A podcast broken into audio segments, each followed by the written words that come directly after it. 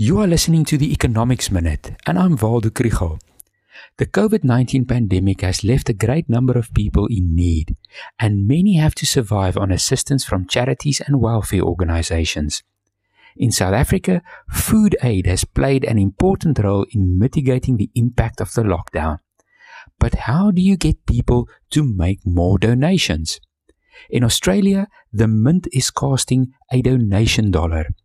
It is a $1 coin that is clearly marked as a donation dollar. It is legal tender and can be used like any other form of cash to make payments. The idea is when you find one in your small change, it will remind you of people who need it more than you do. And this encourages a donation to a charity.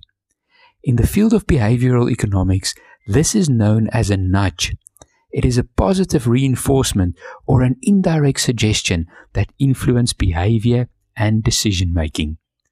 Calculations show that if every Aussie donates just one donation dollar per month, it can generate an additional $300 million per year for charity.